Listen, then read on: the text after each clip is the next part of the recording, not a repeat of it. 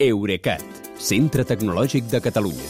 Innovant amb les empreses. Innovant amb tu. Albert Cuesta, bona nit. Bona nit, Kilian. A vegades fer pagar et pot portar algun mal de cap. És el cas d'Elon Musk. El fracàs del seu Twitter de pagament és cada cop, cada dia, més evident. A hores d'ara ja podem dir que el servei aquest Twitter Blue, que l'havia de treure de pobre, és un fiasco com una casa de pagès. Uh, L'empresa d'anàlisi Sensor Tower calcula que poc més d'un 1 per mil dels 300 milions d'usuaris de Twitter s'hi ha abonat pagant els 8 euros mensuals. Ni tan sols la insígnia de perfil verificat aconsegueix captar clients. Recordem que dijous passat Twitter ens va retirar la marca a tots els usuaris que la teníem d'abans i no pagàvem amb un intent de fer-nos pagar la quota aquesta de Twitter Blue. Doncs bé, la resposta devia ser tan pobra o tan fluixa que dissabte Musk es va llevar i va anunciar que la pagava de la seva butxaca la quota al jugador de bàsquet LeBron James, a Ja. l'actor William Shatner i a l'escriptor Stephen King, que havien anunciat que no tenien cap intenció d'abonar-se. I durant el cap de setmana, Twitter ha començat a retornar la insígnia blava a desenes d'usuaris dels que tenen milions de seguidors des de les, cançan les cantants Beyoncé i Bette Midler fins al Sant Pare Francesc i el diari The New York Times. El pitjor de per Musk és que moltes d'aquestes eh, celebritats estan dient públicament que ells no han pagat i que no volen per res la insígnia blava de Twitter Blue. Això ve a ser com si un famós passa per davant de la teva botiga i es posa a explicar a tothom que no val la pena allò que hi vens. Sí, molt bé, per la botiga no va, no. A tot això, quants usuaris vareu perdre la insígnia blava de perfil verificat? Uh, una mica més de 400.000, uh, si hem de fer cas de la web legacyverified.tw, que el dia 5 d'abril va descarregar la llista més recent de perfils verificats i ara permet consultar a la web si un compte determinat que t'interessi havia tingut en algun moment la marca blava.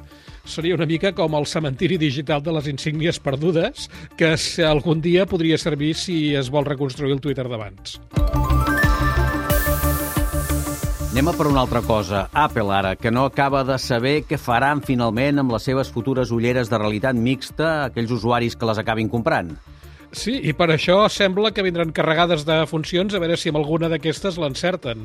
Uh, ja és una mica el que Apple va fer amb el primer rellotge Apple Watch, que després amb els anys ha anat centrant amb les funcions que els compradors sí que feien servir.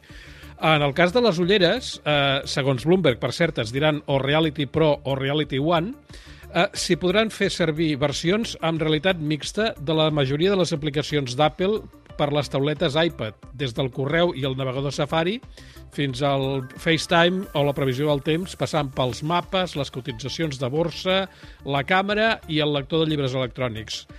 Però és que això no és tot, perquè també s'espera una aplicació Apple de relaxació amb gràfics immersius, un portal per veure esports en realitat virtual, una plataforma de videojocs, funcions avançades de videoconferència en pissarra virtual, eh, poder fer servir el visor, l'aparell, com a monitor extern pels ordinadors Mac, una aplicació per fer exercici amb les ulleres posades i un reproductor per mirar els teus vídeos, però incrustats en entorns virtuals com pot ser l'espai o el desert, per exemple.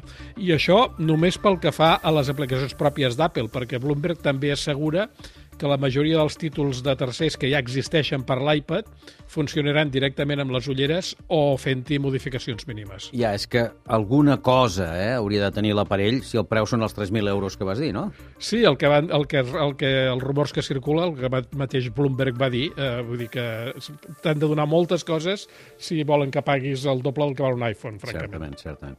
Bé, escolta'm, demà més. Que vagi bé, gràcies. Fins demà, Kilian Baroni. Eurecat, centre tecnològic de Catalunya. Innovant amb les empreses. Innovant amb tu.